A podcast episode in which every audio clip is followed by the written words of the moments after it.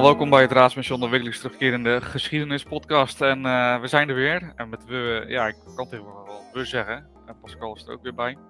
Welkom weer. Dankjewel man. Ja, inmiddels van gewoon vast onderdeel in dit programma. Ja, ongelooflijk hoe dat, uh, hoe dat gaat. Maar leuk, leuk. Ik, ik vind het leuk. We gaan vandaag uh, ja, over een moeilijk onderwerp hebben. Over de geschiedenis van het pesten. Of, en ja, beetje, ik had gewoon eens even een beetje sociale podcast van maken. Eigenlijk aanleiding is uh, de documentaire die, uh, die natuurlijk recentelijk op de NPO volgens mij is uh, verschenen. Van Mariana, die zodanig gepest werd dat ze uiteindelijk zelfmoord plegen, pleegde. En ja, ik, ik, vond het wel interessant om eens te kijken van hoe zit dat nou? hoe kunnen we dat nog in de geschiedenis terugvinden? Of dus wat zijn de wortels daarvan? Uh, Misschien ook een stukje natuurbiologie, zeg maar, daarbij. Ja, ja, dus, dus dat eigenlijk. Nou, heb jij uh, nog wel eens mensen gepest, Pascal? Of ik mensen heb gepest? Oh, ja, zeker wel. Maar ik ben ook wel, ook zelf ben ik ook wel gepest. Ja, ik denk dat we dat allemaal. Nou, niet, niet om het dan maar gelijk breder te trekken. Maar als ik vanuit mezelf praat, denk ik wel. Ja, ik ben ook wel, wel gepest. Ja, niet heel erg, maar maar ik ben, ja, ik ben gepest en ik ben ook wel eens de, de pester geweest. En uh, ja, dat is. Ja, nou ja, goed, ook van vroeger. Ja, als we dan geschiedenis hebben, denk je, oh ja, ik ben 45. Als we, nou, dan, dan is het al wel weer geschiedenis, hè, toen ik op de lagere school zat. Ja, ja, inmiddels wel. Ja, wat ik me ervan herinner is dat je, weet je, je hebt altijd van die groepjes op, op, op school. En dat was bij ons in de klas was dat ook niet anders. En ja, dan had je altijd uh, jongens, dat waren altijd de, uh, ja, een beetje de, de popiopies. En ik had wel de mazzel, ik zat ook al, ik, mijn neef, die is drie dagen jonger dan dat ik ben en die woonde bij mij in de straat. Ik zat bij hem, uh, zat bij hem in de klas. En je merkte dat verschil al, doordat er al een groepje was, die hadden al bijvoorbeeld de Adidas ZX 8000 aan en trainingspakjes. En ehm, die zagen er gewoon allemaal wat vlotter uit. En ik had ook het idee, die waren ook al wat verder in de, in, in de, in de ontwikkeling. Ik was ook altijd de kleinste in de klas.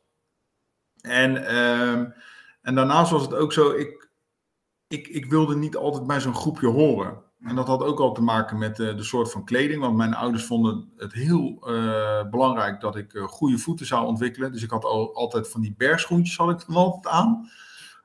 Ja, dat helpt ook niet mee. Hè? Dat zijn ook niet. Ja, tegenwoordig wel. Maar vroeger waren dat best wel. Uh, ja. ja, en dan. Uh, en ik, ik leidde in de klas ook best wel een, een teruggetrokken bestaan, realiseer ik me nu net.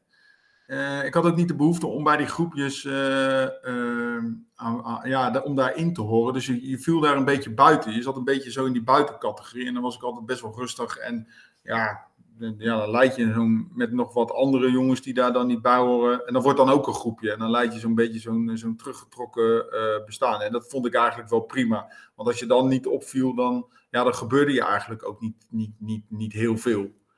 En met name ook op dat schoolplein, ja, dan, ja, dan sta je daar een beetje buiten. En wat deed je dan? Een beetje spelen. Ja, waar die andere groepen al bezig waren met uh, groep, groep 8. Ik zat toen nog in klas 6 ja, die waren ook dan wel met meisjes bezig. En dan had je dan zo'n groepje meisjes, dat koppelde dan weer aan een groep jongens. En ja, en ik, ik, ik daar zat ik dan niet helemaal tussen. Ja, ik, ik, speelde dan nog gewoon, uh, speelde oorlogje.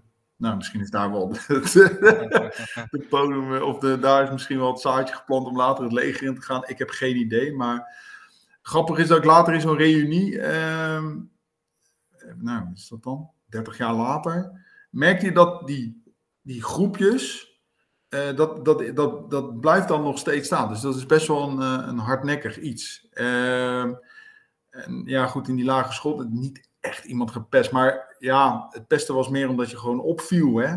Dus je was niet, eh, je, ja, je, je, je week af van de, van, de, van de norm. Ja, hoe wordt die norm bepaald? Ja, dat is wel, dat is een grappig proces.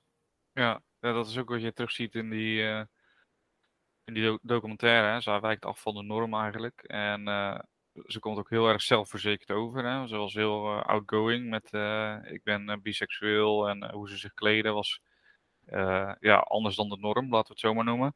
Ja. Ja, dan zie je inderdaad ook dat ze daarop juist keihard wordt, wordt aangepakt.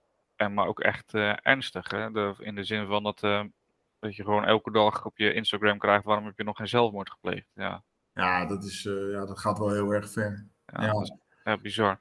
Maar, oh, ja, ik dacht ja, vanuit mijn lagere school naar het voortgezet onderwijs. Dat was voor mij echt wel een, een, een, grote stap. En daar is het voor mij ook wel fout gegaan. Hoor. Toen was het wel handig. Ik ging naar zo'n grote scholengemeenschap. Ja, en daar verzoop ik gewoon letterlijk en figuurlijk. Maar daar had je ook weer die groepjes, maar dan nog, nog veel erger. In, in Den Haag ook. Uh, en daar was het echt wel, ik zei net over, weet je wel, dat je het trainingspakje aan en net de kleren aan. Ja, en ik had toen nog een brilletje. En ik was gewoon super klein voor mijn leeftijd. Ja, dan ben je ook een makkelijk doelwit hoor. En dan word je ook wel snel uh, gepakt, weet je wel. Dan is je een keer je zadel ondergestift. En uh, ja, dan, dat, dat zijn wel een beetje kleine pesterijen. Dat is niet te vergelijken met de pesterij van waarom heb je jezelf nog niet opgehangen. Dat was helemaal nog niet ter sprake daar. Maar ik merkte wel, ja, je wijkt af uh, van de, een beetje af van de norm. Je bent een beetje afgezonderd en dan hoor je er dus niet meer bij. Dus ben je ook een makkelijk mikpunt. Ja, het zijn gewoon, nou ja, ik zeg niet dat het normaal is hoor, maar het zijn de wetten en de regels van het, van het schoolplein en de klas. En er werd ook niet zo heel veel aandacht aan besteed. Maar ik weet wel dat het voor mezelf als persoon was het gewoon een hele, was dat wel een rotperiode. Ja, ik ben toen na een jaar ook van school afgegaan en naar een andere school gegaan. Ja. Waar het ook niet veel beter was, maar dat was dan wel een school met kleine klassen en zo. Dat noemden, vroeger noemden ze dat een lomschool. Oh. En uh, nou ja, daar, daar kon ik me wel uh, goed ontwikkelen. Maar ja, dat merk je gewoon. Ja, kijk, als je zelf dus wat jonger bent voor je leeftijd, want dat was het. Het was niet meer dan dat. Dus je wijkt dan af van de, van de norm. Hè? Dat is ook een norm die we allemaal zelf, die allemaal ook hè, door, door de gemeenschap wordt opgelegd. Hè. Als je elf bent, dan hoor je dit allemaal te kunnen en te kennen. Ja. Als je daarvan afwijkt, ja, dan ben je al snel val je al buiten de boot. Ja, wat gebeurt daar dan mee? Dus eigenlijk zeg ik nu gewoon van, nou, ik denk dat het onderwijs hier zelf ook debet aan is. Ja. Zo, gewoon er even in. Ja, nou, ik weet wel zeker. Niet, niet de mensen die, niet de docenten zelf, of die, die dus het onderwijs geven, maar het begin, die, die scheiding begint al op een basisschool. Uh, oh ja, dan gaat zoveel procent moet naar het VMBO. Zoveel procent is voor de HAVO. Zoveel procent is voor het VWO. Dus, daar, dus ook al vanuit een school, en ik, dat is echt niet om het pesten te bevorderen, maar het moment dat je dus mensen gaat indelen in bepaalde groepen, jij kan dit niet, of jij bent hier zwakker in, of jij bent nog niet zo ver, dan ga je daar naartoe en dan ga je daar naartoe. Dus die, die scheiding is al lang, uh, die, die, wordt, die wordt al voor ons gemaakt. Ik zeg, ja. niet dat, nou, ik zeg niet dat het pest in de hand werkt, maar ik zeg wel dat je al wel, je, je bent wel de omstandigheden aan het creëren. Ja, precies. Omdat er, je, je creëert verschil. En doordat je verschil creëert, uh, ja, kan dat volgens mij ook pestgedrag in de hand werken. Ja. Ja, ja als, je, als we kijken ook naar uh, een stukje biologisch, is het ook wel iets wat eigenlijk overal terugkomt. Hè? Uh, je ziet in, in groepen apen schijnen ook echt ja, pesten als ingezet te worden eh, als een soort norm, uh, normen en waarden duidelijk te stellen, zeg maar, binnen een groep. Ja. En, ja, uh, het is ook, de groepen bieden ons veiligheid. Ik denk dat dat een heel evolutionair is, dat bewezen dat wij inderdaad, nou ja, we hebben ons zo kunnen evolueren omdat we in groepen kunnen optreden. Maar dat betekent wel dat je moet houden aan de norm van de groep. Hoe wordt die norm bepaald? Ja, meestal dan door de... Nou, ik ben geen primatoloog, maar meestal dan door de sterkste in de groep, of er ontstaat een norm. En ik geloof ook bij die bonobo-aapjes hebben vrouwen ook een hele belangrijke rol. Uh, ja, jongens doen altijd een aanval op de sterkste, hè, om dan weer die rol over te nemen. Want het is dan heeft ook weer te maken met het vormen van nageslacht. Ja, wie is de sterkste? Of wie is in ieder geval, nou het is niet alleen de sterkste, maar wie is ook het meest sociaal vaardig? Hè? Ja. Wie kan die groep bij elkaar houden? En dat wordt dus ook gecreëerd door de medestanders. Hè, door degene die in die groep zitten. Die, die hebben dan indirect, hebben ze daar dan ook wel invloed op. Ja, maar ja, als jij afwijkt van die norm, of jij valt degene, of jij denkt ik doe een poging om de, om de leider van de groep te worden en je verliest dat, ja, dan, dan leid je dus ontzettend uh, uh, gezichtsverlies. En het, het gaat nog helemaal verder, dat vond ik wel echt een interessant onderzoek. Het gaat over de degenkrab. Nou, dat is echt een super oud uh, apparaat. Is ook heel groot, of niet? Of ja, ja, ja. Die ronde. Ja, zo'n rond ding met een staart. Dus. Uh, je zou denken, hé, hey, dat komt uit de prehistorie. Ja, dat is ook zo. Um, over hoe zij territorium beschermen. daar hebben ze onderzoek naar gedaan. Zo'n ding heeft dan een, een eigen territoriumpje. En op het moment dat er dus meer van die krabben bij elkaar komen, dan, uh, ja, dan heb je dus een probleem. Want die willen allemaal een stukje van hun eigen uh, territorium. Dan gaan ze elkaar als een soort van uitdagen. En, uh, en dan maar dus best een lastige. Want het moment dat je dus een andere degenkrab aanvalt, ja, dan kan je dus dusdanig gewond raken. dat je dus nou ja, een schaar verliest, of in ieder geval dusdanig beschadigd raakt dat je daarna nooit meer een ander kan aanvallen. Dus dat uh, gaan ze zich heel apart gedragen. Maar het blijkt dus ook zo te zijn dat als die krab verliest, dat hij dus voor altijd een mindere positie inneemt. Dus dat hij dusdanig is beschadigd, dus dat het iets doet in zijn zenuwstelsel, dat hij dus altijd een soort, uh, ja, ik weet niet, ja, minderwaardig, maar dat hij zich minder voelt dan, uh, dan die ander. Dus leidt hij een heel teruggetrokken bestaan. Ja, kunnen we dat één op één kopiëren op mensen? Ik weet het niet, maar ik weet wel dat er psychologen onderzoek naar, uh, naar hebben gedaan over dat gedrag. Van ja, dat is, wel, uh, dat is wel interessant natuurlijk. Uh, en dat is ook wel iets, daar heb ik wel over nagedacht. Weet je, als we in de biologie we kijken natuurlijk vaak naar hoe dierenrijk het doet, weet je wel, en vergelijken dat een beetje met onszelf. En dan vanuit, die, vanuit dat opzicht kan je, zou je het beste kunnen verklaren natuurlijk, maar aan de andere kant denk ik dan, als we kijken naar wat is nou het teken van beschaving, hè, die vraag uh, hebben we volgens mij op de geschiedenisopleiding wel eens gesteld. Wat, is nou voor de, uh, uh, wat is nou voor jullie de eerste teken van beschaving? En er wordt vaak natuurlijk gezegd uh, schrift of akkerbouw of weet ik veel wat. Hè. Maar eigenlijk is dat dat, er op een gegeven moment een skelet was gevonden van iemand met een sleutelbeen die gebroken was, maar die was genezen. Dus dat betekent dat de groep hem eigenlijk, zeg maar die zwakkere, uh, om het even lullig te zeggen. Die is diegene die zijn eh, sleutelbeen had gebroken. Dus eigenlijk natuurlijk gezien zou moeten sterven. Want hij was te zwak om voor zichzelf te zorgen.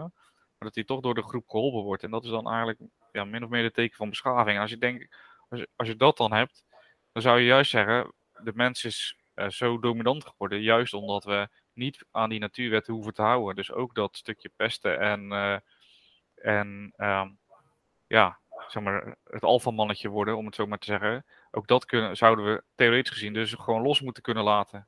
Als we ook voor onze zwakke medemens zorgen, hè, de mensen die uh, niet voor zichzelf kunnen zorgen, waarom moeten we dan dat, dat stukje pesten wel meenemen? Dus dat is wel, ja, vind ik wel interessant. Uh...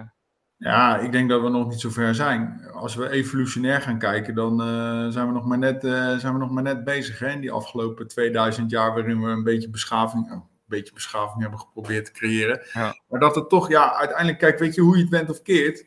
Uh, en natuurlijk, maar we, ja, we blijven natuurlijk, nou we, zijn, we, zijn, we blijven in de zin, blijven we wel dieren natuurlijk. Ja. Kijk, en we evolueren wel, maar dat gaat echt zo verschrikkelijk langzaam. Dat die, ja. die primaire, nou ja, die primaire behoeftes, of die dat primaire gedrag, ja, dat zal er toch nog ergens zitten, dat er dan toch nog wel in. Alleen ja. je laat het dan nu nog op andere manieren, laat je dat zien. Ja, nou, wat mij ook opviel uh, toen ik ging kijken, en dan gaan we even een beetje terug de tijd in om te kijken wanneer dat pesten nou, uh, ja, wat, wat daar nou... Hè, wanneer zijn we begonnen met pesten? Ja, nou meer wanneer is, ja, ja eigenlijk wel natuurlijk. Dus uh, als we daar terugkijken, dan zien we dat ook dat het vrij laat pas echt erkend wordt als iets ernstigs. Uh, dus als we bijvoorbeeld kijken, uh, ze weten van de jagersverzamelaars zijn er weinig uh, bronnen natuurlijk. Dus daar kunnen ze niet echt achterhalen of daar mensen uitgesloten werden of gepest werden. Daar, ze hebben wel vermoeden dat dat wel zo is, maar ze hebben daar natuurlijk geen bronnen van. maar in de oudheid hebben we natuurlijk sowieso al een stukje slaven, natuurlijk, slavernij, hè, wat, wat heel erg opkomt. Um, er zijn ook verhalen bekend van uh, in, Griekenland van een, uh, een soort ja, man die allerlei spottende gedichten maakte over zijn ex-verloofde. En die ex-verloofde was zo wanhopig dat zij en haar familie zelfmoord hebben gepleegd. Dus dat is natuurlijk wel een heel concreet voorbeeld uh, oh, ja. van, van pesten. Ja. ook in het Oude Testament komen er wel een aantal ja, gevallen voor waarin een, soort van pesten of treiteren wordt beschreven. En zo was er een vrouw die een andere vrouw uh, min of meer uh, ja, pesten omdat zij geen kinderen kon krijgen. Terwijl dat ze met, uh, allebei met dezelfde man waren getrouwd. Jozef, die door zijn broers natuurlijk eigenlijk werd bespot en gehaat. Omdat hij dromen en visioenen zou hebben. Ja, dus, maar kijk, als je al die verhalen naast elkaar legt, ja, het zijn allemaal mensen die, die afwijken van de dan geldende norm. Ja, ja precies. Ja, we, we kennen natuurlijk ook de verhalen wel van de Joden. Hè? In de middeleeuwen is het ook heel, uh, is het ook heel duidelijk voorgekomen dat Joden en roodharigen uh, het slachtoffer zijn geweest van uh, pesten en treiterij. Oh ja, roodharigen ook, joh. Ja, roodharigen ook. En ja, ook dat is natuurlijk, hè, want er zijn relatief gezien weinig roodharigen. Dus dat is ook weer die afwijking van die norm die dan uh, naar voren kwam. Wel interessant is dat Leiden uh, als een van de weinige steden in de late middeleeuwen door het bestuur een, uh, ja, een verbod opgelegd voor het lastigvallen van minder begaafden. Ehm, en daar waren ze dus een van de weinige steden die dat deden. Dus dat je daar niet minder begaafden mocht ja, lastigvallen of pesten of treiteren. Dus dat is wel, dat is wel interessant dat dat, dat dat dan dus maar één stad is eigenlijk. Ja, dat is wel uh, wat jij zegt over dan toch een stukje vorm van beschaving. Is dat je dus uh, afwijkende of anders, anders uitziende, uh, dat die beschermd worden. Ja, dat vind ik, dat is ook natuurlijk wel een goede zaak. Dus je ziet wel dat er, dat, dat er ook mensen zijn die, die dus vinden dat dat echt niet kan. Dat dat echt ja. dat het belachelijk is.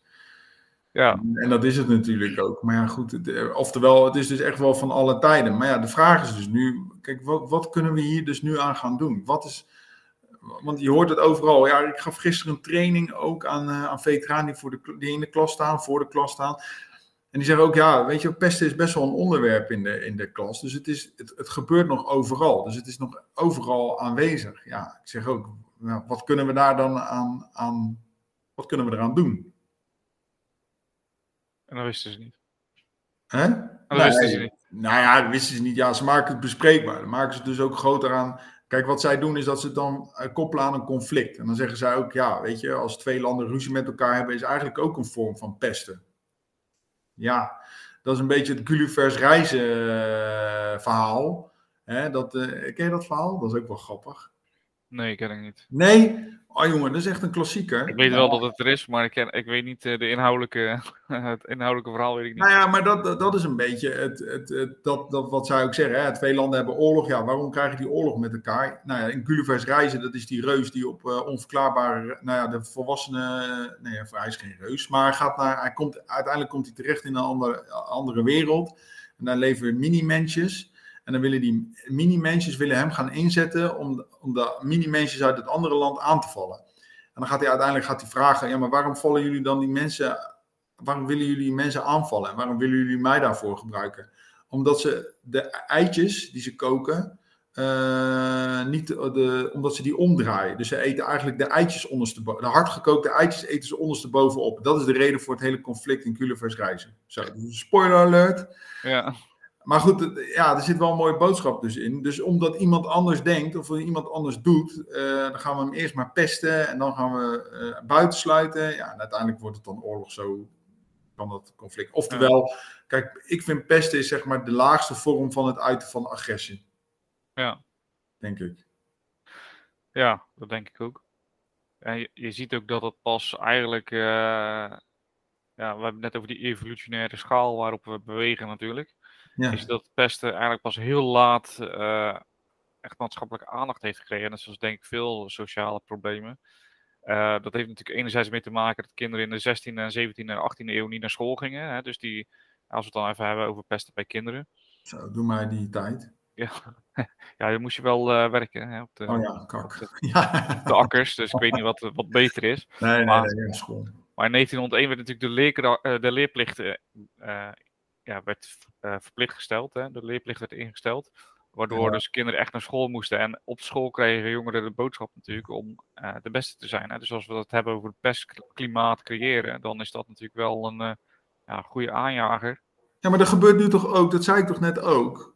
Goed, ja, weet je wel, dat je dus, oh ja, moeten naar het HAVO, moeten naar het VWO en alles wat daaronder valt. Nou, als je nu zegt dat je naar het VMBO gaat, poep, we werken dat ook zelf in de hand, joh. Ja.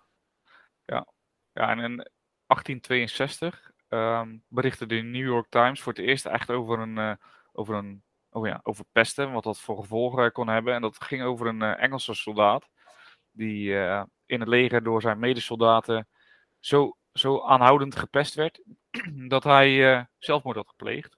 Ja, nou, uh, dan uh, heb ik nog een goede filmtip. Hè? Ja.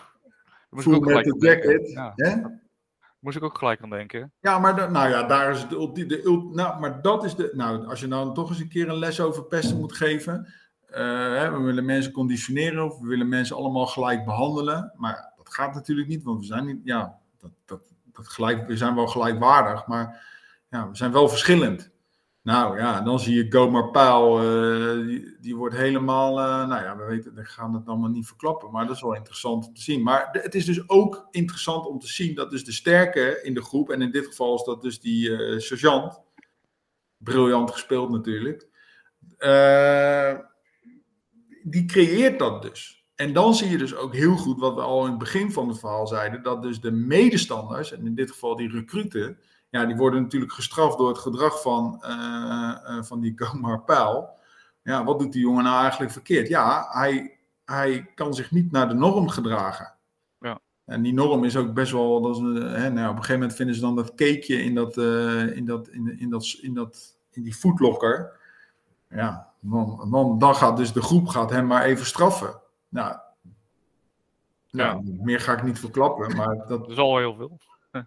Ja, maar daar zie je dus wat groepsdruk, medestanders. Uh, iemand die sociaal hoog op de ladder staat, ja, die, die, die is gewoon uh, scheppend om iemand gewoon helemaal kapot te maken. Ja, ja het interessante uh, ook aan die publicatie in de New York Times is dat iedereen wel erg geschokt was erover, maar daar werd eigenlijk niks mee gedaan. Pas 100 jaar later was er een Zweedse psycholoog die daar echt studie naar deed. Dus in 1970, dus de jaren 70 dus ja, als we dan nogmaals die evolutionaire schaal kijken, en uh, dan zien we dus dat eigenlijk pas de laatste jaren, zeg maar onze levensjaren, dat daar pas aandacht werd besteed aan, de, aan het pesten. Zelfs in de jaren negentig ja, waren mensen nog niet super bewust van uh, ja, wat een pestgedrag, wat dat voor gevolgen kon hebben. Dus eigenlijk zie je dat pas de laatste 30, 40 jaar daar pas echt ja, aandacht voor is. Zeker nu in de 20e eeuw, hè, of de 21e eeuw zie je dat het pas echt aandacht heeft ook in de media. Dus in dat opzicht is het natuurlijk eigenlijk een vrij nieuw fenomeen. Uh, ondanks dat het al heel lang voorkomt, is het nooit, heeft het nooit, is nooit gezien als probleem tot ja, vrij recent dus. Dus we zijn daar ja, inderdaad nog mee bezig hoe we daarmee moeten omgaan. En dan krijg je nu natuurlijk ook het stukje cyberpesten erbij. Wat, uh, wat maakt dat als iemand gepest wordt en die thuis komt, dat hij nog geen rust heeft. Hè? Want dat is natuurlijk ook uh, ja, je, het is eigenlijk 24 uur per dag, uh, zolang je je telefoon hebt, ja, dan krijg je dat, dat pestgedrag over je heen. Ja, dat is, ja, dat is echt verschrikkelijk. En uh, ja, ja ze hebben ook, ik heb ook het idee dat mensen gewoon echt geen idee hebben wat je een ander aandoet. Nee.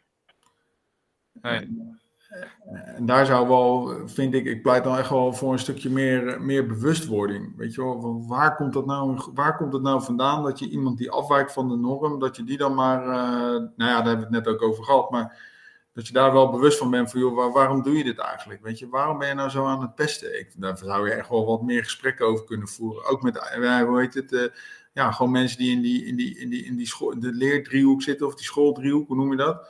Dat je ook, dat je ook ouders, docenten en, en uh, ouders, docenten en de leerling daar zelf bij betrekt. Van joh, ja, weet je, waar ben je mee bezig, joh? Hoe, waar, komt dit van, waar komt dit überhaupt vandaan, joh? Ja. Ja, het, is, het is een hardnekkig probleem, denk ik. Maar uh, ik denk wel dat uh, het, het, het is mogelijk om opgelost te worden. Hè? En uh, dan wil ik niet per se mijn vrouw dan uh, helemaal uh, de hemel in prijzen. Maar zij weet wel altijd een uh, sfeer te creëren in een klas dat er eigenlijk niet gepest wordt. En dan denk ik, ja, als, als zij dat kan, dan kan iedereen dat. Dat denk ik ook, maar ik denk dat het een hele belangrijke voorwaarde is dat je dus als, als docent heel erg bewust moet zijn van het, het creëren van een, een veilige leeromgeving of een veiligheid in de klas. Ja. En daar zou je als eerste mee moeten, moeten beginnen, dat iedereen zich veilig voelt. Want ja. Nou, als dat dus niet zo is, dan ben je ook wel weer voorwaarden scheppend om uh, juist dat pestgedrag in de, in de, in de hand te werpen. Ja. Uh, werken. Want ja, ik, wat ik interessant vind van de pester is ook, ja, waarom begin je nou met pesten? Ja. maar kijk, mijn idee daarbij is, is dat jij zelf ook, jij, jij pest een ander ook omdat jij dus zelf denkt dat je daardoor in aanzien gaat stijgen. Of dat je daardoor je sociale positie gaat versterken. Ja, Als je in gesprek gaat en zegt van nou ja, als je dat doet, dan is dat eigenlijk helemaal niet zo. Jij denkt dat dat zo is, maar dat is niet zo. Nou weet ik ook niet hoe je dat precies doet, maar ja, het is, niet no het, is gewoon echt niet nodig. Nee. Ja. Het kan natuurlijk ook een, ehm, eh, hoe zeg dat, een uiting zijn van frustratie. Eh, ja, ik weet niet of je de film Gepest wel, wel gezien hebt. Nee. Maar uh, daar heeft die pester heeft dan eigenlijk een gehandicapte vader die, uh, die ze moet verzorgen. En die frustratie uit dan op die, uh, op die jongen. Ja. Dus dat, ja, er zit zoveel achter wat natuurlijk zou kunnen zijn. Dat het, is wel een ja, ingewikkeld probleem. Maar ik denk dat we het wel kunnen tackelen inderdaad door gewoon ook gewoon duidelijk te zijn. Hè? Grenzen stellen van dit kan wel, dit kan niet. Ja, ik ken allemaal de voorbeelden van kinderen die het aangeven en dat dan een gesprekje volgen en voor de rest niks. Ja, dan zit er geen echte consequentie aan het gedrag. Nee, maar dan ben je alleen maar bezig om het. Dan bespreek je inderdaad het gedrag en dat is ook goed. Maar uiteindelijk wil je ook weten waar dat gedrag van, vandaan komt. Dus je wil, er ook, je wil dat verhaal, je wil van iedereen een keer het verhaal horen. Wat is, nu, wat is nu het verhaal van die pester? En ook het verhaal van die omstander. Waarom loop jij nou elke keer dan zo mee? Weet je, waarom is dat dan? Ja. Dus je wil meer weten van, van, van, van die hele situatie. Hoe komt het nou dat je. Waar komt dat nou vandaan inderdaad? En wat, wat is nou jouw situatie? En ik vind dat we daar veel meer aandacht aan zouden moeten besteden. Ik, want ik vind op dit moment ook, we leven in een dusdanig complexe maatschappij. Hoe hou je daar, eh, hoe hou je je staande man? En het enige waarin we worden afgerekend is uh, hoe je schoolprestaties zijn en hoe je. Maar het over, ja, weet je, jouw sociale vaardigheden. Ja, dat wordt nergens af. Ik heb het idee dat dat nergens wordt, uh, wordt afgetoetst. Ja, op, ik weet dat in het speciaal onderwijs wel, daar wordt heel veel op ingezet. Maar uh, op regulier onderwijs niet volgens mij. Nee, daar, zijn, daar hebben ze hele andere, ja, hele andere belangen. Ja, dan moeten we maar kijken hoe goed we zijn in wiskunde, natuurkunde, eh, Nederlands, Engels en Duits. Ja. Maar uiteindelijk, ja, ik heb het idee dat daar, dat is mijn idee hoor, dus ik, dus ik weet het niet, ik heb daar ook niet echt een onderzoek naar gedaan, maar gewoon, weet je, hoe gaan we met elkaar om? En het wordt nu steeds belangrijker, want er moeten nu steeds meer gastsprekers naar, uh, naar scholen toe om het eens te hebben over seksuele voorlichting. Dan denk ik, ja, nou, als dat dus zo is, dan hebben we toch ergens iets gemist op een school. Dat, dat zou je toch op een school moeten meekrijgen. En nu moeten we gastsprekers inhuren, die ervaringskundigen, om, om, daar eens over te praten. Zodat we dus uh, op de middelbare school uh, met, met, met, met leerlingen in gesprek gaan, zodat zij goed hun grenzen aan kunnen geven. En dat je ook van seks kan genieten. Maar dat, nou, ja, ik denk ja, nou, ik vind het ook gewoon een belangrijke taak van een, eh, van, van een docent. Ja. Waarom, waarom gebeurt dat dan niet? Maar we moeten, ook, we moeten overal gastsprekers voor inhuren. Dus ergens laten we dus, blijkbaar laten we ergens iets liggen. En blijkbaar lijkt dat ook niet, ja, is het op zich wel een soort van verantwoordelijkheid voor de school, maar ook weer niet. Nee, ja, ik denk dat, uh, dat we te gefocust zijn inderdaad in het zegt over dat je goed een grafiekje kan tekenen, maar dat het sociale aspect uh, een stuk minder belangrijk is. Terwijl dat, dat misschien juist veel belangrijker is. Nou, ik heb wel een mooi voorbeeld. Want ik heb zelf natuurlijk ooit eh, een poging gedaan om, die, eh, om de lerarenopleiding te doen. Maar eh, ik gaf les op een school. En dat was een, eh, was 1, 2 VWO, HAVO-VWO-klas. Een schakelbrugklas. Nou, hartstikke leuk. En er is een jongen op die school en die pleegt zelfmoord. Nou, dat is verschrikkelijk. Dat is verschrikkelijk. Maar jij moet lesgeven. Dus jij staat daar met je 17e eeuw, uh, nou, al, al die kutzooi waar je eigenlijk op dat moment helemaal niet jouw, daar zijn jouw gedachten helemaal niet. Want wat nee. is er gebeurd? Er is een jongen van de brug gesprongen. Ja, en dan heb je dus als docent heb je dus niet de mogelijkheid om het dus daarover te hebben. Weet je, er zijn ook gewoon, nou, ik vind dat een dusdanig belangrijke actualiteit, dat het leeft bij die kinderen. En dan is het, ja, weet je, als je voelt dat je er problemen mee hebt, ja, dan moet je er maar, uh, dan moet je er maar melding van maken. Dan moet je maar in gesprek. Ja, ik denk dat het zo niet werkt. Weet je, als zoiets is gebeurd, dan moet jij als docent ook tijd en ruimte krijgen om dat eens bespreekbaar te maken. Om het, om het dan eens te hebben over zelfmoord. En leeft dat in zo'n klas? En hoe, wat vind jij daarvan dat die jongen dat heeft gedaan? En wat doet het met jou? En dat je en ik snap niet dat elke les zo kan zijn, maar we, we proberen dat soort dingen altijd maar te prakken in een, een mentoruurtje. Ja, of in, ja, ja. Weet je, maar ja, dan, dan is die. eh, de nou ja, die actualiteit eraf, maar dan leeft het ook weer wat minder. En dan denk je ook van ja, flikker op, ik heb geen zin meer over. Maar het moment dat je het hoort, heb ik het idee, dan wil je daarover praten. Hoe ga je daarmee om? En ik vind dat een, nou, een dusdanig belangrijke taak ook van een docent. En of je nou geschiedenisdocent bent, of wat voor docent dan ook, dat maakt niet uit. Dan moet je, je moet de tijd en ruimte hebben om het daarover te kunnen hebben. Ja, uh, mooi eens. En die is er niet. Dus tip voor de overheid, voor de regering, voor de minister van uh, Onderwijs. Geef docenten de ruimte. Nou, om het dus inderdaad ook eens te hebben over nou, hoe ga je met dit soort dingen om? Want later in je leven uh, kom je voor allemaal dit soort dingen te staan. Hoe ga je daarmee om? Er wordt op school, vind ik, te weinig aandacht gegeven aan nou, ook bijvoorbeeld jou uh, over, over hoe, hoe ga je om met psychische gezondheid? Hoe ga je om met jouw gezondheid? Als je een keuze hebt gemaakt en de keuze pakt wat verkeerd uit, uh, hoe, hoe, ga je daar dan, hoe, ga je hoe ga je daar dan mee om? Nou, dat wordt allemaal niet verteld. Nee, ja, uiteindelijk dan, dan, maar dan gaat het zo ver dat we uiteindelijk zitten we allemaal niet lekker in ons vel.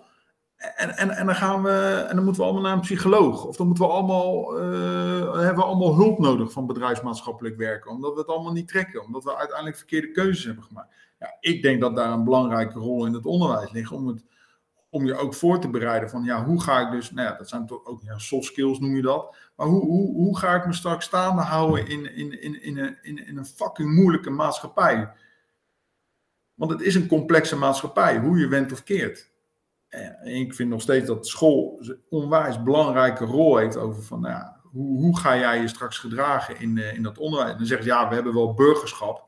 Maar ja, goed, mijn ervaring met burgerschap op dit moment is dat docenten ook, niet, niet alle hoor, maar dat veel docenten ook niet goed weten wat ze nou precies met dat burgerschap aan moeten. Ik ja. hoor te vaak, hoor ik nog in het onderwijs, ja, dat is een, dat is een vak. Nee, het is geen vak. Dat is iets al overstijgends. Dan moet je, dat, dat werkt door alle lessen, werkt dat, werkt dat door. Ja, nou, ik vind het wel mooi dat je dat uh, inderdaad zo zegt. Hè? Want ik, ik werk natuurlijk voor een stichting met speciaal onderwijs.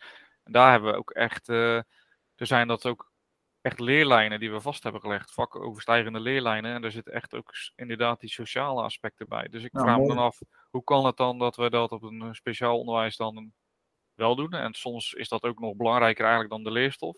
Nou, dat ga ik jou vertellen. Omdat wij denken dat uh, jongeren die dus een rugzakje hebben, en dat jongeren uh, die dus op speciaal onderwijs zitten, dat we daar automatisch maar van uitgaan dat die, uh, die hebben juist dat soort handvatten nodig om te kunnen functioneren in de maatschappij. Maar het is ook de VWO-leerling, het is ook de HAVO-leerling, het is ook de leerling op het HBO, die daar net zoveel ja die, die, die, heeft dan, die, die heeft dat ook nodig. Want wij denken altijd maar dat dat niet zo is. Maar dat is, dat is wel zo. Ja, dat Kijk, is... natuurlijk kunnen die zich beter staande houden. En, en lijkt wel of die zich ook. Maar daar komt volgens mij pesten net zo vaak voor als dat het op het VMBO voorkomt. Ja, ja, precies. En uh, ja, je ziet ook, dat is het grappige, je ziet ook vaak, zeg maar, uh, klassen uit het speciaal onderwijs. Uh, die herken je wel tussen met een schoolreisje bijvoorbeeld tussen klassen die uit regulier komen. En dan bedoel ik juist positief, hè, dat die klassen zich vaker beter aan, aan de regels houden dan, dan die losgeslagen VMBO'ers. Even heel uh, gechargeerd, hè, want ik bedoel, dat is natuurlijk ook niet iedereen uh, die, dat, die dat doet. Maar niet alle VMBO-leerlingen zijn zo natuurlijk. Dat is, dat is misschien wat te kort door de bocht. Maar, hè, dus ja, dat is wel een interessant onderwerp. Nou, zeker. Maar uh, ik denk dat dus het, het, vastleggen van leerlijnen, en ik vind in het bijzonder onderwijs dat dat hartstikke goed is, zeker wel. Maar het zou in, in het complete onderwijs zou dat gewoon een onderdeel moeten zijn. Want het komt daar net zo hard voor, uh, en ik denk nog op een subtielere, gemenere manier, dan dat je ja. daar op het VWO hebt. Maar goed, dat is natuurlijk ook mijn, uh, de beleving die ik heb. Ja, maar, precies. Ja. Waarom daar wel en, en, en, en, en hier niet? Ja. Goeie vraag. Ja, Eigenlijk, om er goed over na te denken. Ja, toch? Ja. nou, misschien uh, dat de minister van Onderwijs bij ons wat uh, tips kan ophalen. Ja, dat kan die zeker. We hebben tegenwoordig een uh, minister voor Onderwijs van primair en voortgezet onderwijs. Nou, jonge gast, ik weet niet hoe heet hij nou, jong, maar. ja. ja, goed. Denk... Dat, dat, is van D66, toch? Ja. Is dat niet Robert Dijkgraaf? Nee. Minister van Onderwijs? Ik, ja, dan moeten we het ook even opzoeken. Minister Dijkgraaf, oh Dennis Wiersma. Die Ja, is- Dennis Wiersma, ja. Nee, maar eh, Dijkgraaf is volgens mij nu echt eh, onderwijs. Is Ja, dit is dan- onderwijs, cultuur, wetenschap. En dan heb Ja. je nog. eh, dan heb je, nu, je hebt ook een aparte minister voor primair en voortgezet onderwijs. Dat is Oké, Dat zal hij dan zijn. Ja, ze hebben dat wel allemaal eh, helemaal uitgesplitst, hè? Al die dingen. Ja, en maar goed ook. Maar dankjewel, meneer Rutte. Oh, nee, we gaan naar een kleine, slagvaardige overheid. Nou, uiteindelijk is alles eh, fucking mislukt. En nu, eh, nu gaan we in één keer allemaal weer ministers aanstellen. Dus Ja. nou, lekker hoor. Nou, in ieder geval, hij leert ervan. Ja, ja, laten we dat maar positief behouden dan. Ja, hij is nou bene ook docent, man. Kom op. Ja, ja, dat is waar, ja. Dat vind ik wel bijzonder. Ja. Alright, Nou. nou, ja, dat is een filosofische podcast geworden zo. Ik vond wel, eh, ik denk dat het wel goed is dat we even aandacht besteden aan het onderwerp en dat de pest gewoon niet oké is. Ehm, Nee. ja, mocht je gepest worden, eh, ja, meld het dan. Hè. Als je erover praat, dan, kan er wat aan gedaan worden. Ehm, zelfmoord, eh, ja, helaas eh, denken daar ook eh, mensen aan. eh, dan heb je de suïcidepreventielijnen, 113 is dat. Dus Ja. eh, bel die dan ook. Ehm, ja, wat een zware einde eigenlijk zo van de podcast. Ja, maar ja, uiteindelijk hopen we wel een bijdrage te kunnen leveren en dat het niet zo zwaar hoeft te eindigen. En dat er altijd wat dat betreft een oplossing is. Er zijn oplossingen en, en om, om dat pesten te voorkomen is het gewoon, weet je, ja, hoe moeilijk het ook is, maar eh, maak het bespreekbaar en verzamel ook mensen om je heen. Hè, vooral die medestanders, dat ook het, eh, en daar is een docent ook heel erg belangrijk in, vanuitgaande dat het op een school gebeurt, dat ook dat ook die medestanders, die grote groep die daar eigenlijk niks van vindt, maar gewoon meeloopt, ook, ook iets gaat vinden van dat pestgedrag. Zodat, we, zodat je je niet alleen voelt en dat je, dat je gezamenlijk gaat uitspreken van hé, hey, dat is fucking niet oké. Ja. Precies. Dankjewel weer, Pascal. Volgende week weer. Zeker, zeker. Ja, ja, leuk. Ik vond het leuk. Althans, leuk. eh, een mooi sociaal onderwerp, maar het leeft gewoon heel erg. Ja.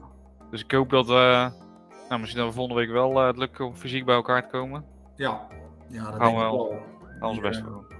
hey, eh, de, de, de versoepelingen zijn nu dusdanig dat eh, nou, we, kunnen weer, we kunnen weer bij elkaar komen. Precies.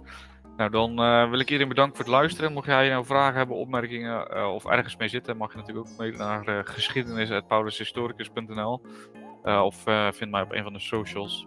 Uh, ja, dan hoop ik dat jullie volgende week weer luisteren. En ja, tot volgende week dan. Ja, tot volgende week man.